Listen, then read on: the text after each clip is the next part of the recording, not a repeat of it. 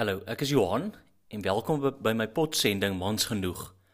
Dis episode 12 en die tema waaroor ek gesels is die begeerte om iets agter te laat en fisies nader aan God te beweeg.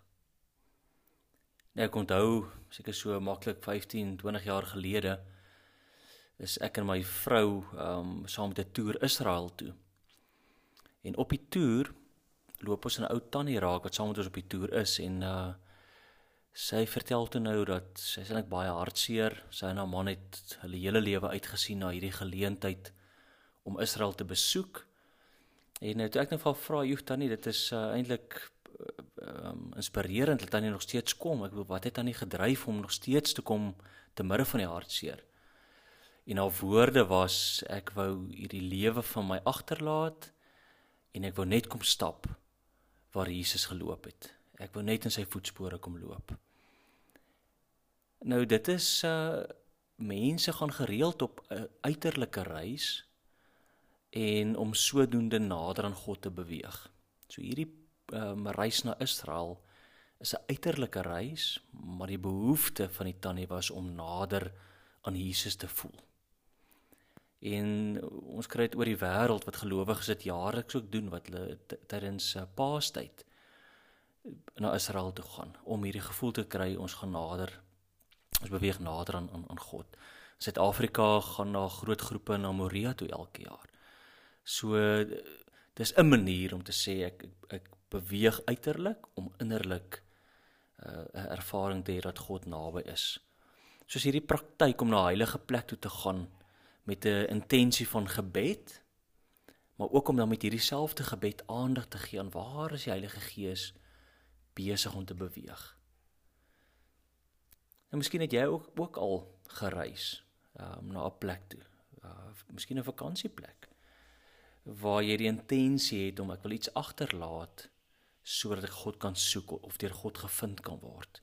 En in essensie is dit eintlik maar 'n pelgrimstog. Baie mense gaan na die uh, Santa Camino toe in in Spanje. Nou dis nie 'n nuwe idee uh om te reis om om agter God aan te beweeg nie. Um Abraham en Sara het dit gedoen.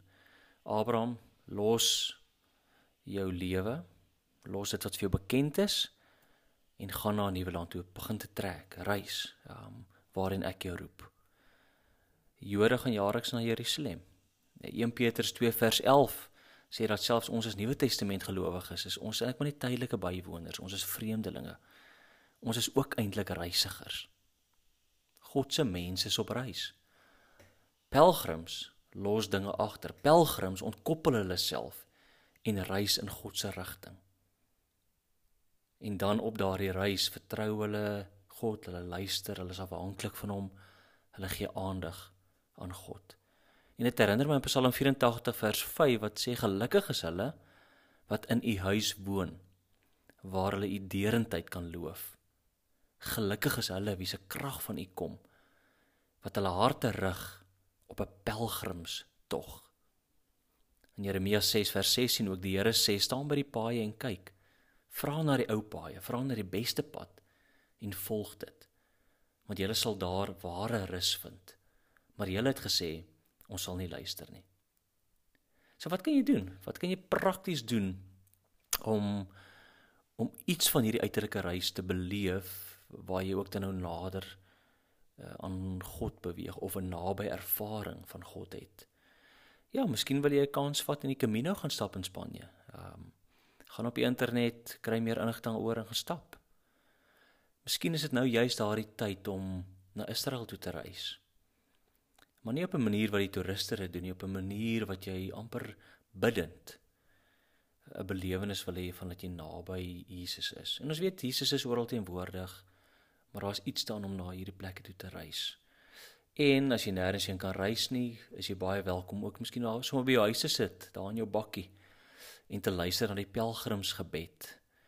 Um Vader, dis 'n lied. Um Vader God, U ken my naam, my binnegoed en my buite staan, my groot praat en my klein verdriet, my vashou aan alles wat verskiet.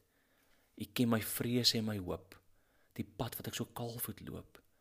Die pad het u lankal berei. U maak die pad gelyk vir my en dan die mooi gedeelte. Alle pelgrims keer weer huis toe elke swerwer kom weer tuis. Ek verdwaal steeds op die groot pad soekend na u boarding huis